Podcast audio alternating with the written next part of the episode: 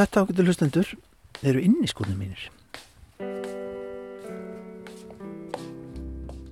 Eru bláir með hvítum röndum. Þetta eru svona töblur, Adidas töblur.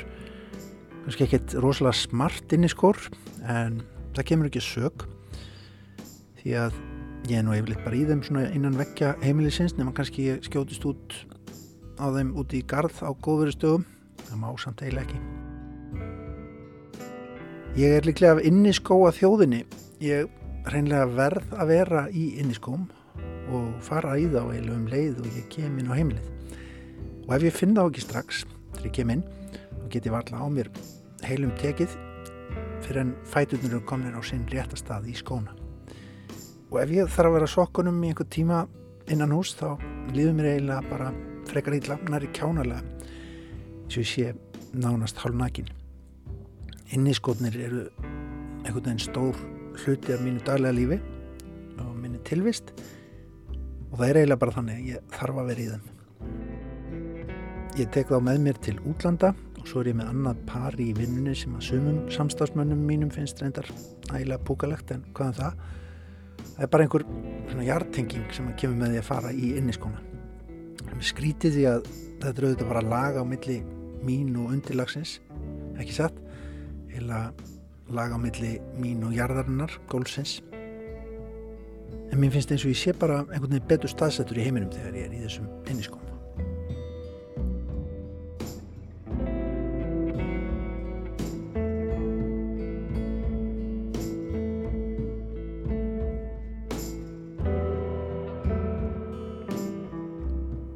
Svo er það annað svona sem að maður fer í sem að tilherir enga lífinu og maður lætur yfirleitt, já, ekki nema sína nánustu sjá. Það er sloppurinn.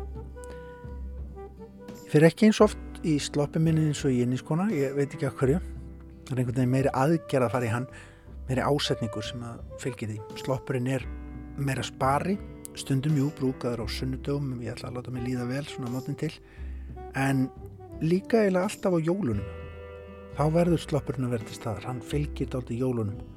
Þá er gott að vera slopp og slaka hans á. Sjálfur á ég tvo sloppa. Einn er kvítur og þykkur frottisloppur það er svona harður þegar maður kemur við hann. Og þóttavel er mikið stöpp eftir því sem maður notar hann meira. Þar til maður þværa hann á ný þá harðan hann.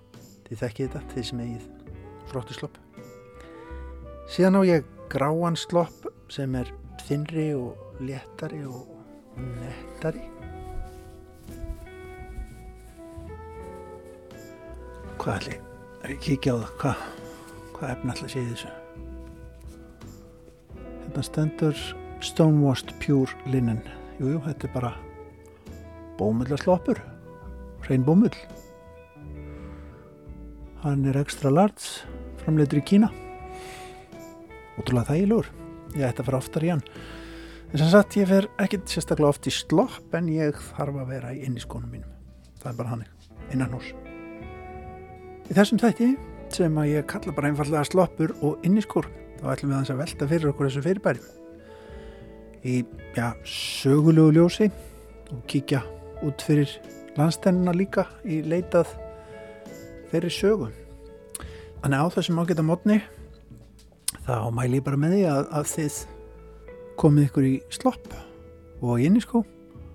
Láta ykkur líða vel á ykkur kannski kaffebotla og við skoðum þetta saman. Sloppa og inniskó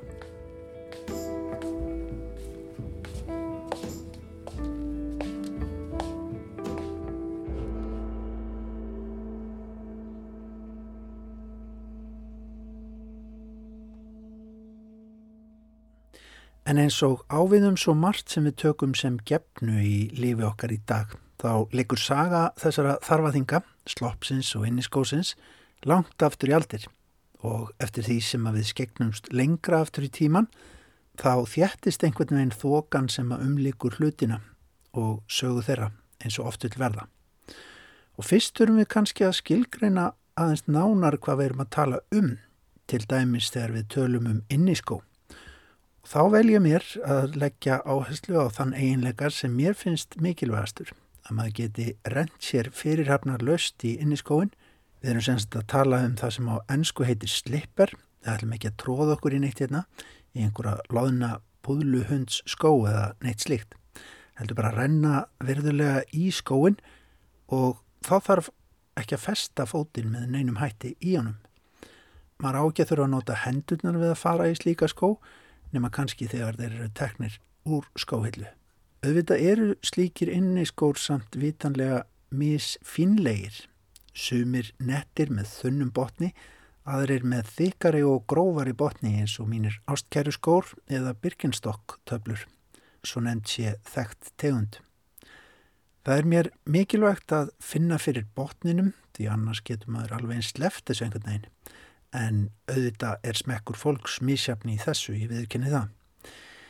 En eins og ávið um alls konar fyrirbæri í okkar daglega lífi, þá getum við tekið okkur stöðu víða um heim til að skoða uppbrunnan á mismunandi tímum.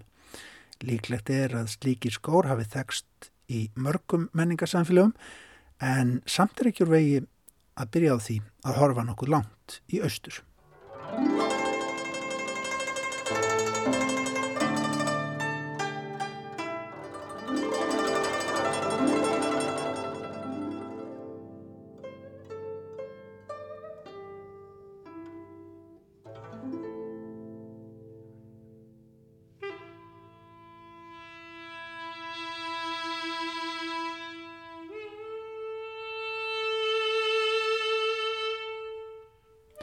Inniskór eru oft tengdir austrinu og líklegt er að þeir hafi verið brúkaðir jáfnvel um þúsundur ára í löndum eins og Kína og Japan. Þá engum innan aðalsins en í norður hluta Kína brúka menn sama orðið yfir slíka skó og yfir samkomulag. Par af inniskóm var þannig tákn fyrir harmoníu innan heimilisins og þeir voru algengar gafir fyrir brúðkaup á þessum slóðum. Þeir aðskildu heimilislífið frá umheiminum, táknum fríðhelgi heimilisins. Einhver elsta reytaða heimild sem til er um inniskóm er samt sem áður frásögn yfirmanns í kýmvenska hernum á tímum songveldisins á 13. öld sem að lísti tvennskonar típum af inniskóm þegar hann var á ferðum það landsfæði sem í dag heitir Vietnam. Og kannski voru þeir líkari því sem við tölum um í dag sem sandala því þeir voru með band millir tveggja stæstu tána hugmynd sem að ég hef aldrei einhvern veginn náð að kaupa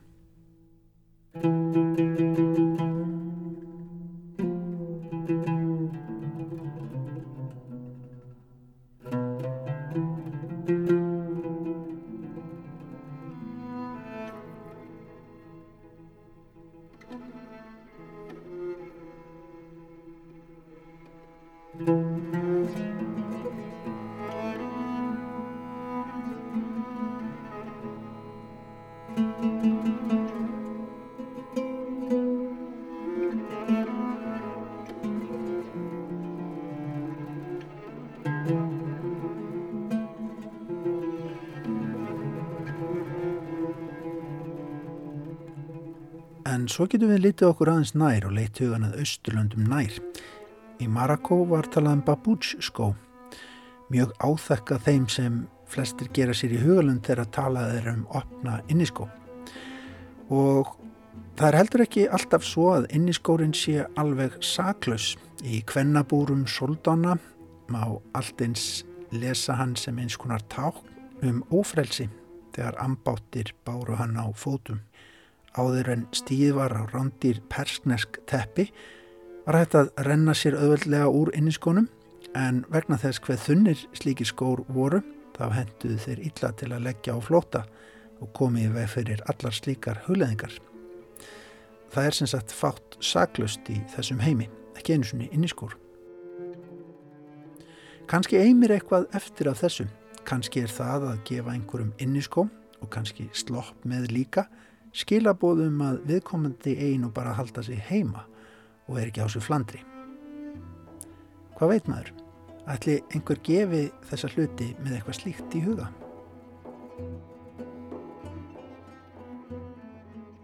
Í fornri rómveskri gröf sem að fannst við forlega uppgröft í Vildskýri í Englandi og tímasett hefur verið frá því um árið 220 fannst beinagrind líklega af fyrirmanni nokkrum sem að veriðist hafa verið grafin í léttum inniskóm sem er óalgengt frá þessum tíma því yfirleitt eru líkafsleifar í slíkum gröfum í þingri skóm einhvers konar eða stígvélum jáfnvel. Það er síðan undir lok miðalda sem inniskór verðast vera almenlega komnir til Evrópu og komast í nokkra tísku. Í það minnsta greinir ennsk orðabók fyrst frá orðinu Slipper árið 1478 og veitanlega er þarna um luxus að ræða fyrir þá sem hafa efni á. Á 16. öld eru slíkir skór úr silki, flaueli og leðri á fótum efnaðara Evrópumanna og kvenna eins og við á um annan aldagamlan klæðnað eru gömul dæmi um slíkan skóbúnað ekki íkja mörg til í dag en þá einhver. Yfirleitt týnist þetta og eðist. Í Ríksmuseum í Amsterdam eru til dæmis forláta flaueliskór frá því um 1550 til í sapnegninni og Danir eiga enn í sínu konunglega sapni bæði nátthúfu og inniskó Kristjáns fjörða Danakonungs sem að lést árið 1648. En það var annað evróst fyrirmenni sem átti eftir að setja marksitt á sögu inniskósins síðar meir, svo mjög að viðan er kent ákveðin týpa af inniskóm.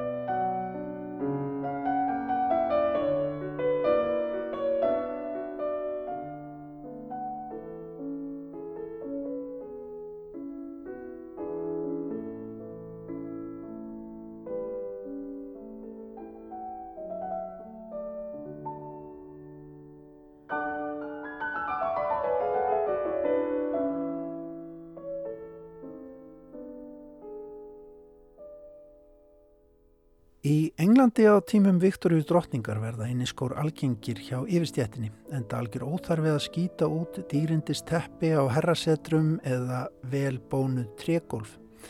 En þá flækjast hlutinni líka nokkuð. Undirflokkar farað myndast, sérstakir baðskór koma til sögunar, baðherbyggi skór eru reyndar líka þekktir til dæmis í Japan sérstakki svefnherbyggiskór eru líka til á 19. öldinni í Englandi og jáfnvel síðdegi skór sérstaklega hugsaðir til tetrikki og eftirmiðdugum hver var ekki til í þannig Kvennmanns inniskórnis eru oft útsaumaðir og skreittir en þegar kemur að Karlmanns inniskóatískunni er frægasta dæmið líklegast The Albert Slipper kvöldskór sem að náðu miklum vinsældum um miðja 19. öld og stundum er sagt að sjálfur prins Albert, eiginmaður Viktoríu drotningar, hafi hannað sjálfur. Vistir að hann notaði slíka skó mjög og þeir komust mjög í tísku hans vegna. Til eru íbúrðamikil málverk af þeim hjónum Viktoríu og Albert þar sem hún er í demant skreittum kjól og með kórona á höfði en hann í vínrauðum viðhafnabúningi með borða um sig og heiðusmerki um hálsin og síðan í þessum sérkjænilega fínlegu svörtu skóm, nánast eins og ballettansari. Síðar tóku fínir herramenn á móti gestum í slíkum skóm og voru í þeim við smókingjakka og nötu þeir þannig mikill að vinselda. Albert skórnir voru yfirleitt úr flaueli en leður útgáfa þeirra kallaðist síðar meir yfirleitt Churchill skór af því að sákunni stjórnmálamæður Breski var vist mjög hrifinaðum á næstu öld á eftir. Taka skal fram að slíki skór, saumaður úr flaueli og með leður sóla, eru reyndar líka með hæl og kannski meir í ætt við mokkasýður ef úti það er farið. En þeir nötu mikill af vinsalda og lengi og geraði af vel enn. Á 20. öldinni notuðu þá íkoniskir menn á borðið Clark Gable og Robert Kennedy, svo einhverju séu nefndir. En auðvitað geta inniskór verið alls konar opnir með engan hæl, lokaðir með hæl svo að skórin renn ekki af eins og kvöldskótin hans Alberts. Alveg lokaðir, nánast eins og stigvél og þá jafnvel loðnir eða mjúkir. Kannski eins og dýraloppur, bílar eða teknumyndafíkurur í samtíma okkar. Og svo sandalar með böndum eða selgjum. Það má kannski bæta því við hér að ef hlustendur eða gæludýr sem þeim þykir ofurvæntum þá geta þeir panta sér inn í skó í stíl, gerða í mynd, hunds eða kattar, nokkur nákvæm eftirlíking í litaminnstakosti frá fyrirtæki sem heitir Cuddle Clones. Já, góðu hlustendur, það er hægt að panta sér nokkur neginn allt á netinu í dag.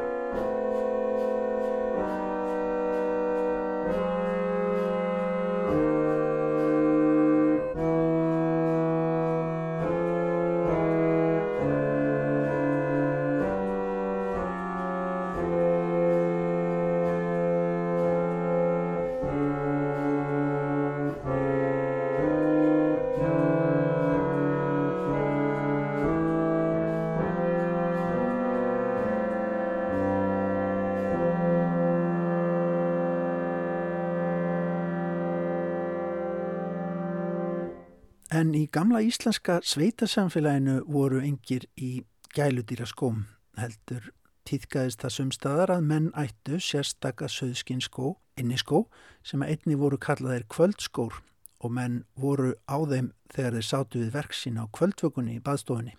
Þetta kemur meðal annars fram í spurningaskrá um skógerð sem að þjóðminnasafnið sendi út árið 1964 til að varpa ljósi á það hvernig þessum málum var háttað fyrir aldamóti 1900. Þar kemur fram hjá heimildamönnum að inni skór voru venjulega úr söðskinni, annarkvort gerðir sérstaklega til þessara nota úr þunnu og lélegu skinni og var þá stundum lítið til skógerðarinnar vandað. Var það að rimpa skó eða þá að gamlir spariskór eða sunnudagaskór voru teknir fyrir inniskó. Inniskór úr þunnu skinni voru oft nefndir blöðrur. Inniskór og kvöldskór karlmanna sem að unnu við útistörf að vetrinum voru oftast geimtir í baðstofu yfir daginn og nóttina og þá helst við eða undir rúmstokk þess sem að skóna átti. Skórnir voru lagðir þannig frá sér á kvöldin þegar háttað var að öðrum hæl var stungið niður í hinskóun en tær lágu hver og nánari.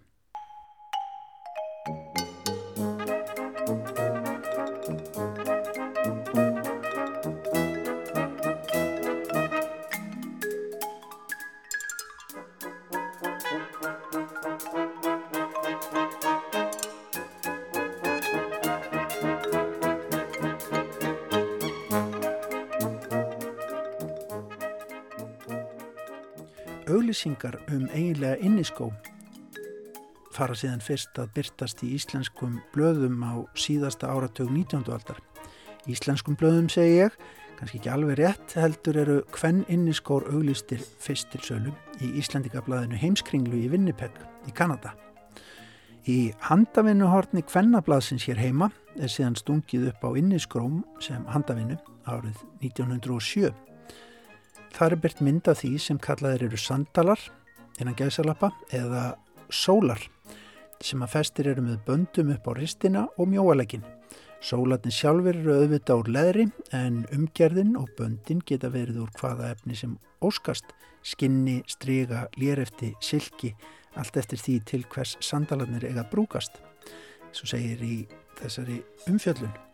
Þeir eru ágætir sumarskór í þurru veðri og inniskór. Sumu leðis geta þær verið ágættir við dans eða leikvimi, fá einn snið til sínis eru til kaup sjá kvennablaðinu og kosta tíu öyra. En á öðrum áratög 20. aldar eru auglýsingar á inniskom síðan orðnar algengar í íslenskum blöðum og þá ekki síst auglýsingar sínist manni fyrir jólinn. Endast líki skór eflaust álitinn nokkur luxus á þessum árum, árum fyrir heimstyraldarnar til dæmis þegar frengtist um aðflutning til landsins. Og sjötta ártögnum eru síðan auglýstir hjá skóveslunni Hector sem var til húsa bæði á lögvegi 11 og lögvegi 81 Karlmanns inniskór bæður flóka og leðri, tíu gerðir af kvennmanns inniskóm úr flögili og skinni og mjög fallegir inniskór fyrir börn. Á haftatímanum um miðja 20. öldina þá þótti mikilvægt að vera ekki að eigða erlendum gjaldir í óþarfa og luxus eins og inniskó. Á byggðarsöfnum um landið og til dæmis á yðnarsafninu og akureyri eru því til dæmi um innlenda inniskóa framleiðslu sem að fer fram á þessum árum og nær miklu flugi til dæmis frá skóvæsmiðunni Strikinu, Kápje skósmiðjum en það vörumerki er reyndar enn notað af skósmiðnum og álfunum EHF á Akureyri og skógerð yðunar. Þannig verður luxusvara á endanum að almenningsegn um miðja 20.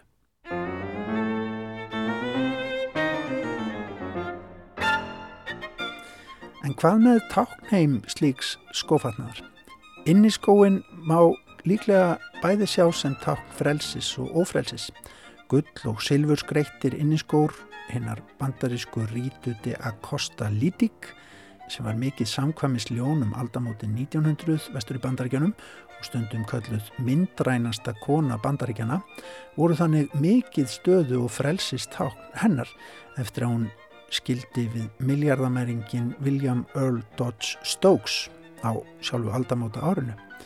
Þeir voru gerðir af skóhanuðunum Pietro Jantorni í París og voru svo fínir að það döð ekki minna en að spenna þá upp með skótrið sem að smíðað var úr aldagömlum fyðlum takkverir. Áður höfum við nefnt inn í skó sem tæki ófrelsis í kvennabórum fyrir alda í austurlandum nær sem að gerir flóta erfiðari.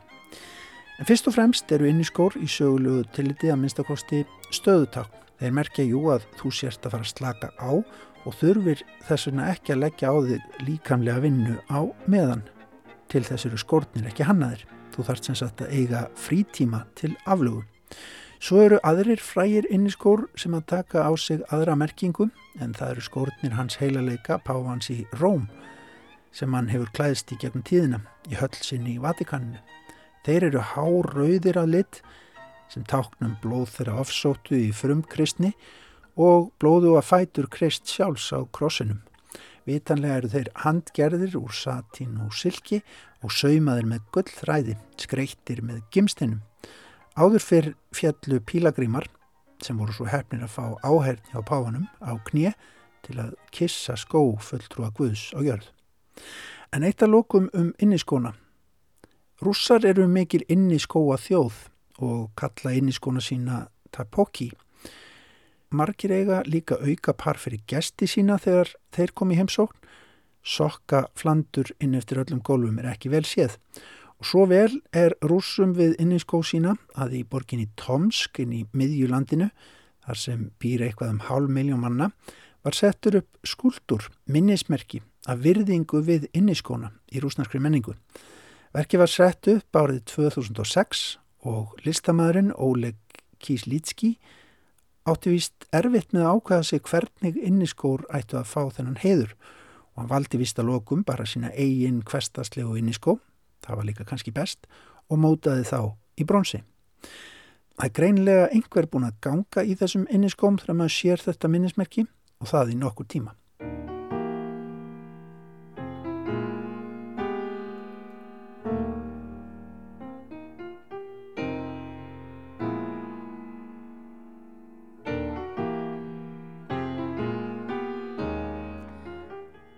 13. fyrir mánuðar kom Sonja sent heima skrifstofunni. Þetta hafði verið erfiður dagur og hún var bæði þreytt og tauga og styrk.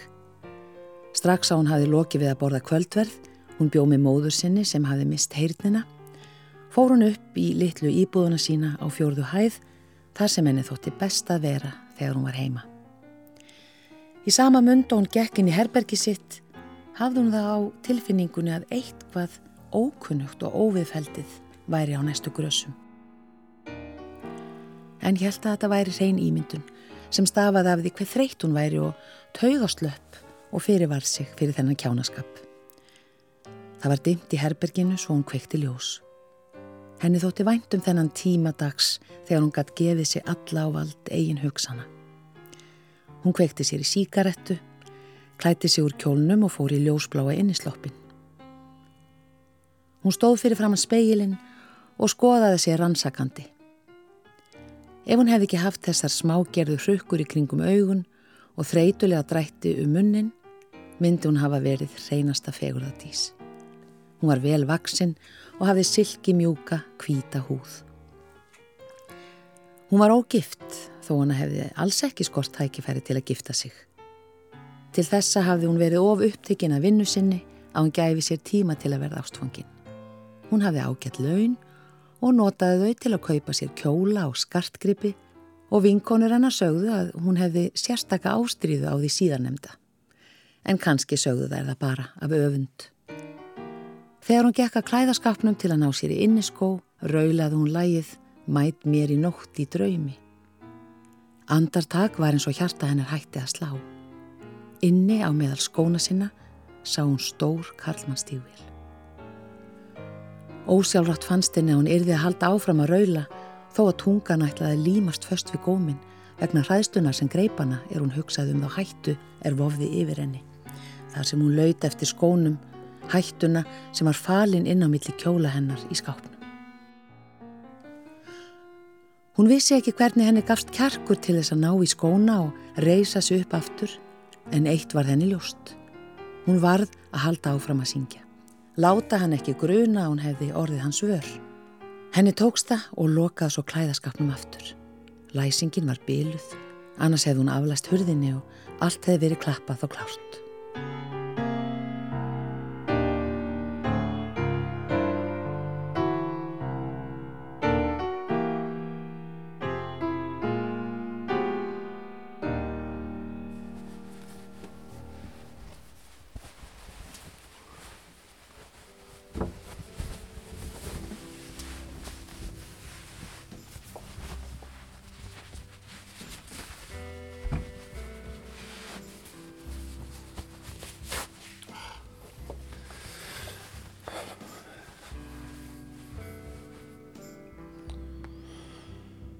Þetta er allt annað, þá er maður komin í sloppin. Ég veit ekki eiginlega af hverju ég fer ekki oftar í slopp. Þetta er náttúrulega alltaf mikið spari einhvern veginn. Og ég valdi flottesloppin þykka, maður er einhvern veginn meira í honum og maður finnur meira fyrir honum heldur en þessum létta.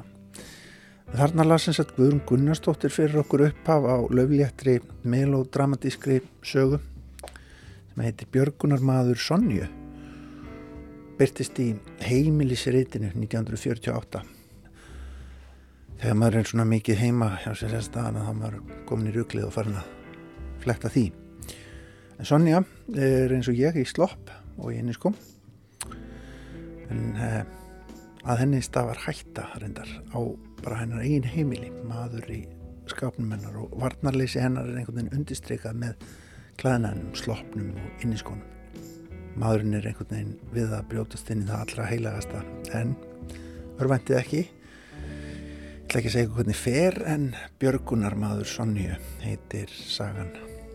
Þetta er æsi spennandi en þið þurfum að fletta upp á tímaritt.is þess að komast að þessu. Hvað er þetta með sloppin náttsloppin góða? Hver er saga hans, hver er tákneimurinn að baki honum Jú, sloppar geta þýtt ímislegt, til dæmis sérfræðivald og mentun. Við þekkjum auðvitað lagnarsloppa og alls konar sloppa sem að valdsmenn ganga í.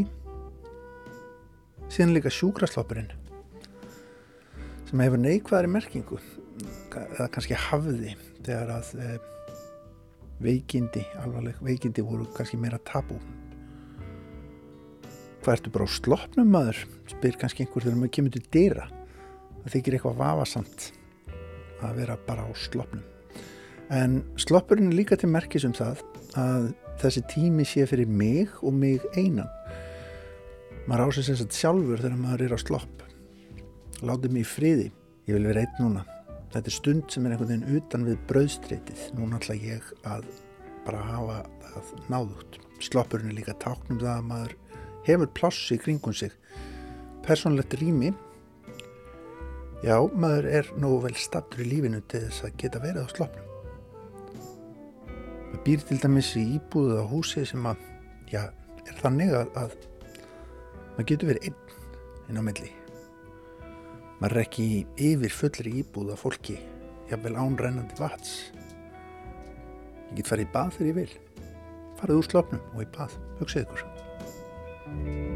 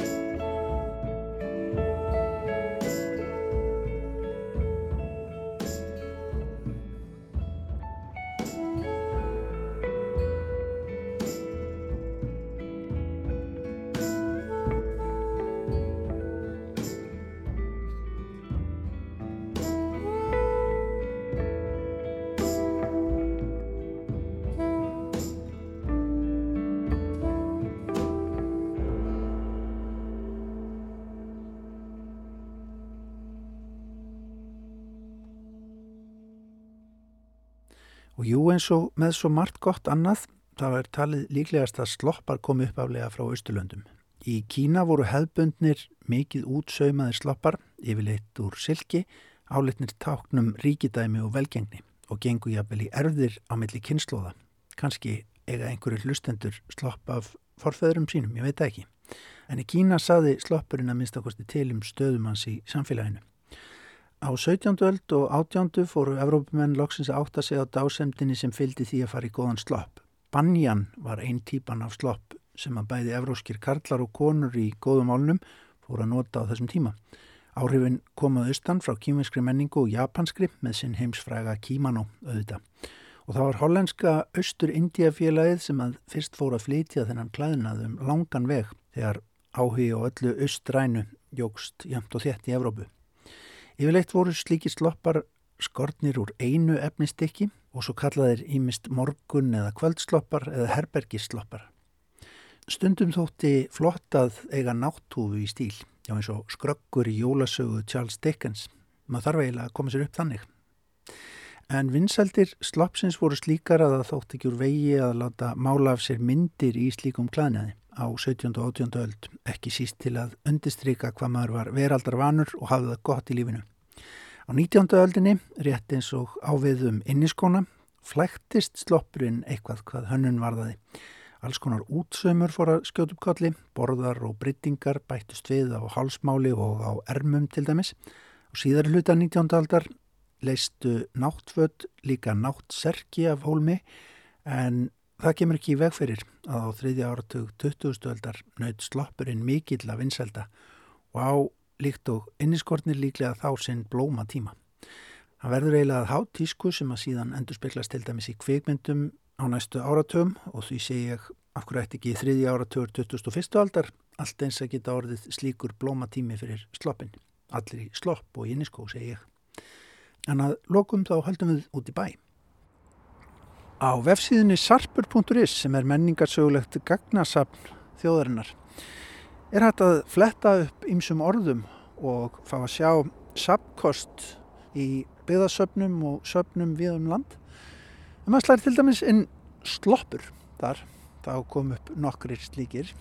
Það eru dæmi um íslenska framleiðslu, sloppa sem hafa verið framleitir við um land og eru á byggðasöpnum sem dæmi um hana.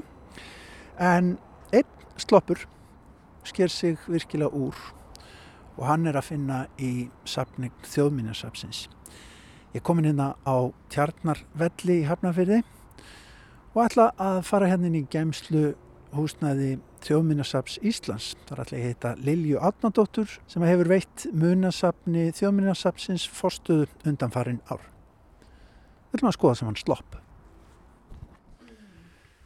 Lilja, hvað horfum við á hér? Eh, þetta er líklega, já, má sláði fyrstu að þetta sé frægasti sloppur landsins. Ég hugsa megin sláði fyrst, þannig að allavega er svo elsti. Ég er ekki við sem að sé margir eh, svona náttsloppar til frá 19. öld og þetta er nú engin venilegur sloppur, þetta er sloppur Jóns Fósetta Sigurssonar sem að fylgdi með í meðal hans gripa sem að Tryggvi Gunnarsson bankastjóri kipta á sín tími í kaupanum eftir lát þeirra hjóna og færði í rauninni alþingi að gjöf. Og þetta hefur verið varveitt hér í safninu síðan. Bara, já ekki þó fyrir henni í byrjundu 2000 aldar. Það var fyrst í alþingishúsinu svo var það náttúrulega ekki mjög heppilegt þannig að þetta var komið í safnið safnahúsið í hverju skutu 1915 held ég. Var mikið af persónlegum gripum í, í þeirri gjöf svona sem að síndu manni svona eiginlega inn í, í heimilislífið? Já, maður segja það. Það var, sko, það er, það er þarna til dæmis rúm og sængurföt og ábreyður og fatnaður af honum. Það er miklu minna sem er til um Yngibjörg eða frá Yngibjörg og sjálfri. Það er eitthvað skart og svona en ekki, fatnaður frá henni. En þetta er náttúrulega svona leið manns til þess að tengjast við fólk. Öðruvís en nokkuð annað þegar maður er með hlutina sjálfa í fyrir fram að sig.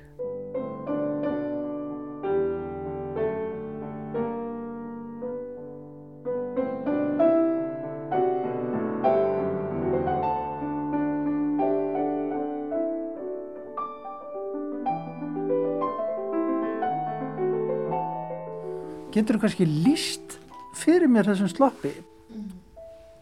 Ef við horfum á hann. Já, þetta er sló, sloppur, hann er sem sagt, hann er bara með hérna mjög einföldu sniði, hann er þó með í baki, það hefur hann verið hægt að taka, það er belti á hann, það er engar nefslur, það er eitt, eitt, eitt svona uh, speli yfir brjóstið og einn tala sem var hægt að neppa, neppa honum í sem held honum saman ofan, en að neðan er ekki til að festa nema bara, nema bara beltið og þetta er náttúrulega al þekkt snið á náttslöpum um mitt. Síðan er á hún tveir vasar. Djúpir, sér maður. Djúpir, já. Já. Já, svona þokkalega. Já. Og hann er algjörlega slettur, hann er ekki nýmið, það er bara tvö stykja framann, eitt bakstykki og svo eru ermarnar bara með einum saum og það eru saumaður þvert í, sjáðu. Er engin svona ermalaski, þannig hann er ákvæmlega einfaldur. Hann er svona karri gulur að lit og, rauð, og kannski aðeins út í rauðbrúnt eitthvað líka, að svona í grunninn, en síðan, síðan er þessi blái fallegu litur Já. sem er svona, gefur hann pínulítið, Já, það líkar hann við. já, og svona virðulegt yfirbræð, finnst manni. Já, gerir það.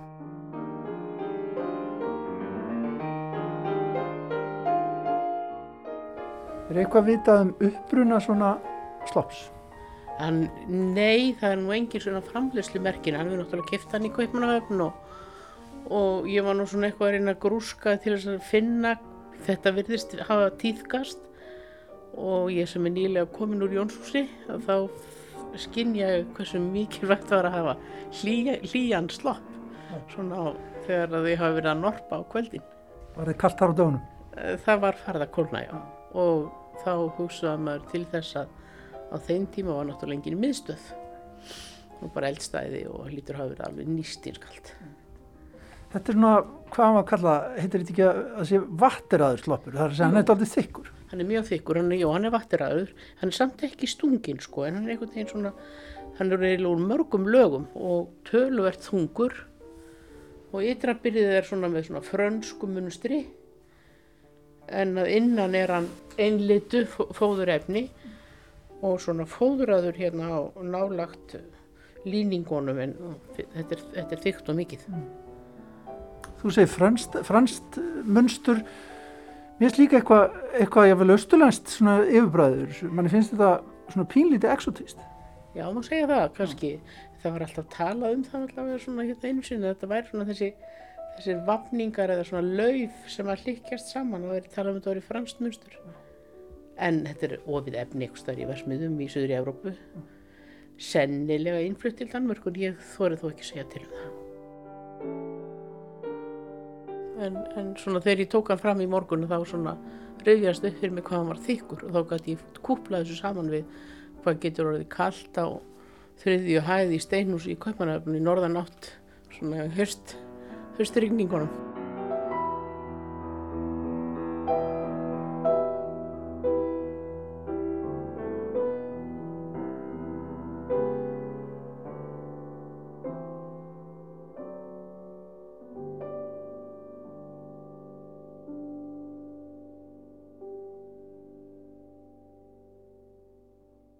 Sér hann eiginlega alveg fyrir sér kallinn svona á síkvöldi eftir að, hérna, yfir, yfir pappnum.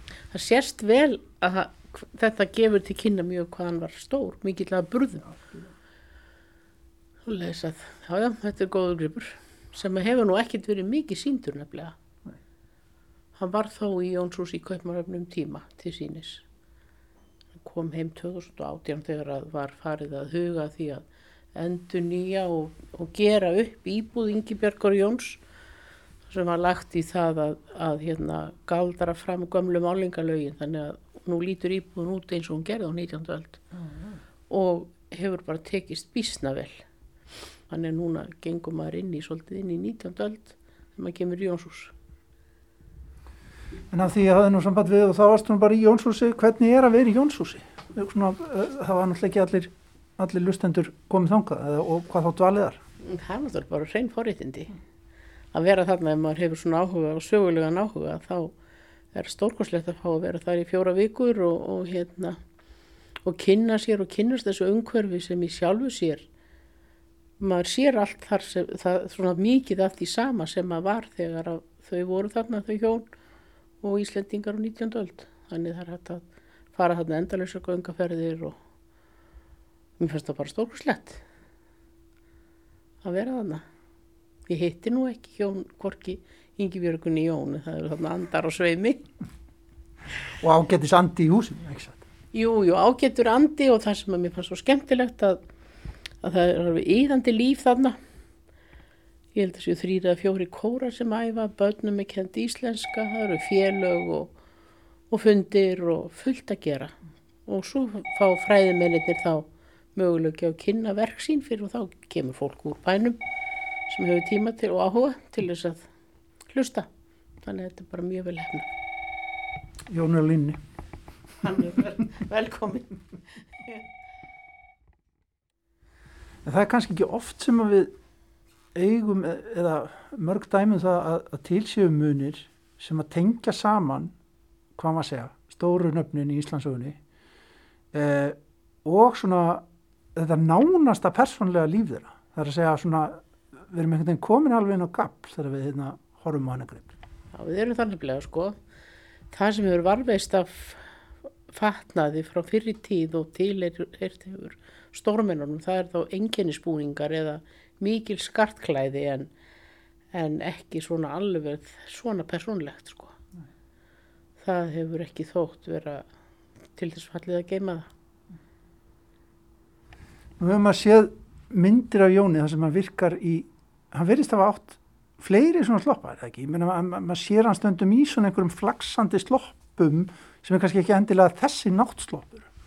Já, ég held sko að, að ég var nú einmitt að kíkja í bókina Skuðjóns Frýrikssonar aðeins í gær, sko, það er, það vittnar hann í skjöl þess efnis það talaði um að Jón hafi setið og verið í slopp þegar gestir komu og, og, vestið sást undan og hvíta skýrtan og svona, ég veit ekki alveg hvað þetta, þetta þýði, þetta er einhvers konar léttar yfiröfn, ekki jakkin sjálfur, ekki kjóllin sjálfur sem að þessir menn voru í á þessum tíma. Og ekki En sér ég- maður hann byndi í þessu Nei, fyrir framann fólk? Þetta held ég hafi verið heimabrúks og ekki gestamótsökum heimitt.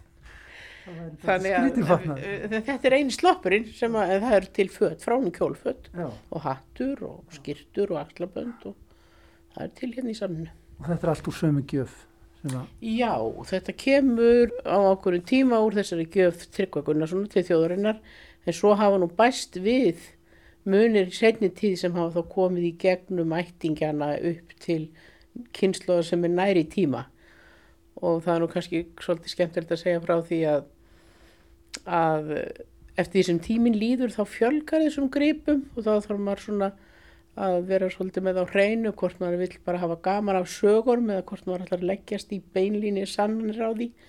Því allt í einu eru við kannski með borð með ákveðni fótagerð sem eru svo mörg að þau getur Jón aldrei að hafa áttu öll. Þannig að það festist við gripina.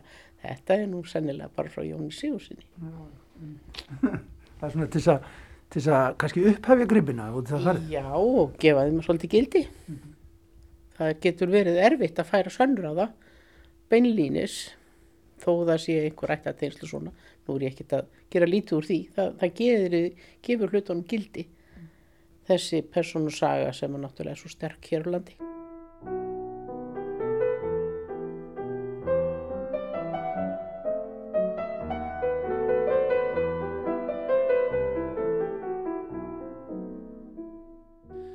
Yfirgripsmikilli æfisögu sinni um Jón Sigursson vitnar Guðjón Fredriksson sakfræðingur til æfiminninga Björns M. Olsen sem kom til Kaupmannahafnar árið 1872. Það segir meðal annars. Jón Sigursson var enni fullu fjöru um þessar mundir og bar ægis hjálm yfir alla Íslandinga í Kaupmannahafn. Við hinnir ungu menn trúðum beinlinis á hann og flyktum stundir merkjans með eldmóði æskunar. Að því leiti auðvitað að við lögðum fæð á þá menn sem að hafðu barist á mótonum, til dæmis Gísla Brynjólfsson. Jón sínd okkur líka einstaka góðvild og hjálpfísi ef álá og gestrisni hans við Íslandinga var framúrskarandi. Hann hafði opið hús að með minnir einu sinni í viku og var það oftast fjölmennt hjá honum af Íslandingum, engum þó hennum yngri mönnum.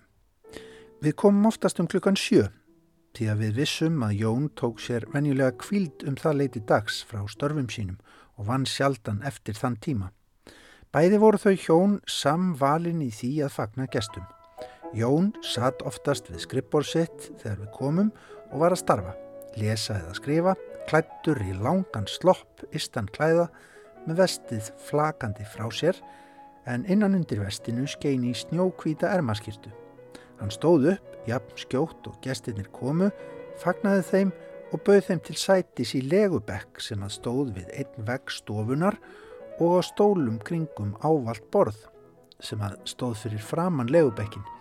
En sjálfur flutt hann skrippbórstól sinn að öðrum borðsendanum og settist í hann.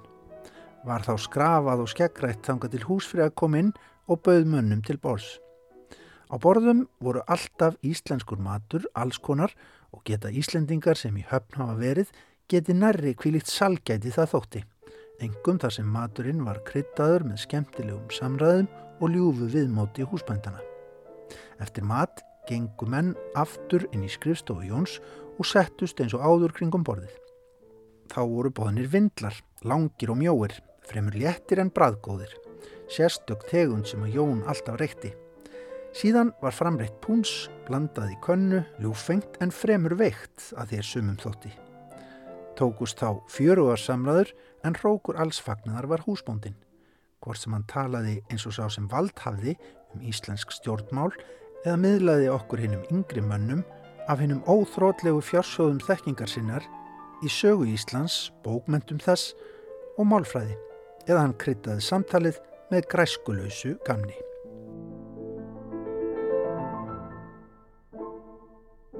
Og Björnið Mólsen heldur áfram. Mér stendur hann enn í dag, lifandi fyrir hugskottsjónum, þar sem hann satt fyrir borðsendanum, hallaði sér aftur í skrippbórstólinn og tegði frá sér fæturna inn undir borðið, flagandi vesti í ljómandi kvítri ermaskirtu og með sloppin hangandi niður begja megin við stólinn, með vindil í annari hendi en hina höndina oftast í buksnavassanum með bros á vör og í hýru skapi.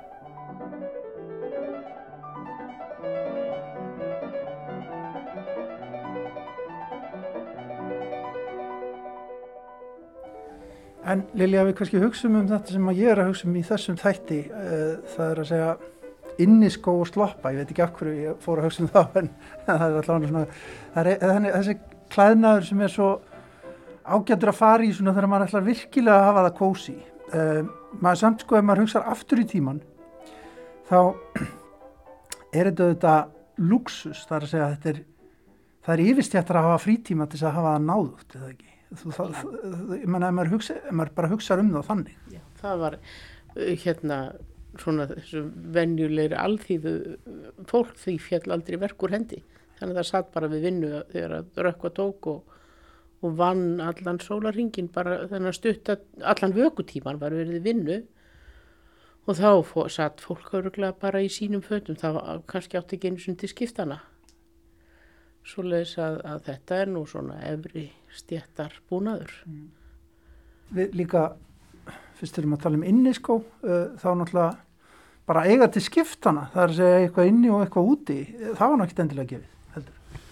Nei, en menn höfðu náttúrulega einhverja yfirhafnir sko. Já. Eh, Skóbúnaður var náttúrulega var fábreytilegur og erfiður og endingalítill og þannig að ullin var það sem að kom okkur í gegnum kuldan held ég. Frjónaðir sokkar eða þar á undan vaðmálsflíkur úr íslensku ull. Þegar maður hugsa um inniskó þá hugsa maður náttúrulega líka bara því að við erum hér í þjóðminnarsafnu um söðskinskóna og sem maður náttúrulega hérna voru kannski bæðið til brúks inn og úti, menn fólk var ekkit að skipta, það var ekkit eitthvað sérstaklega inni eða í, í, hér, hér svona á, öldum áður. Ég á valla vonaði, ég bara veit þetta ekki nóg vel sko. En, en ég menn söðskinskotni voru notaðir úti og voru náttúrulega, það er nú ekki svo langt síðan að minna, faðir minn sem var, hættu 1923, ég menn, hann gekk í söðskinskóm Við holt á hæðir. yfir holt og hæðir og já, svo lengi sem þið reyndust. Þannig að skógerð var bara hluti af heimilstörun að búa þetta til, sauma skó. Ó Jón Sigurðsson var sveitungi óþektrar konu. Hann sildi til hafnar að nema þar einhver fræði. Og að krefja Dani einarðurlega íslenskum Einum til handa um landsins gögn og gæði. Og hann mátti ekkert um sjá, það er staðreind og einætt gekk hann nakin í rauðum slopp. Um íbúð sína sem einhver kaupa heðir gaf Íslandin ískeð og brúkaði gildan kopp. Og nú er Jón dauður en sjálfstæðis baráttan blífur. Við berjumst til þrautar fyrir tungu og frelsi. Og við gefum af bókum út eitthvert fyrna fár og förgum stundar hagsmunum fyrir nýtt helsi